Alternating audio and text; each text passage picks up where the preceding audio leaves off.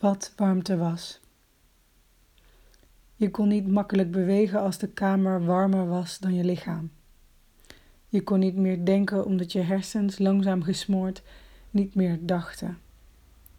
De gedachte te moeten opstaan, te moeten bewegen, misschien zelfs te moeten rennen, daarvan werden je oksels al vochtig en een natte film vormde zich op je voorhoofd. Dat water, dat kwam uit je huid. Op een ochtend hadden we, het was pas net licht aan het worden, onze tassen gepakt, de auto met een grom gestart. Het was nog niet warm, maar in de lucht rook je al dat ook die dag verblindend heet zou worden.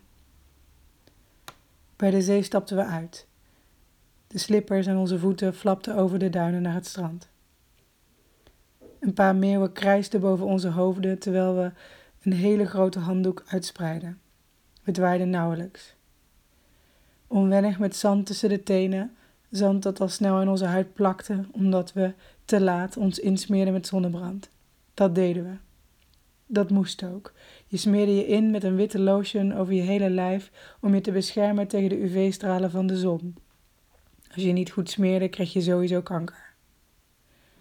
Het strand was, zoals nu ook, een lege, zanderige vlakte, maar nu warm door de zon. Het was een plek om te blijven. Het was een plek om een boek te lezen en lang te liggen. Vaak viel je even in slaap.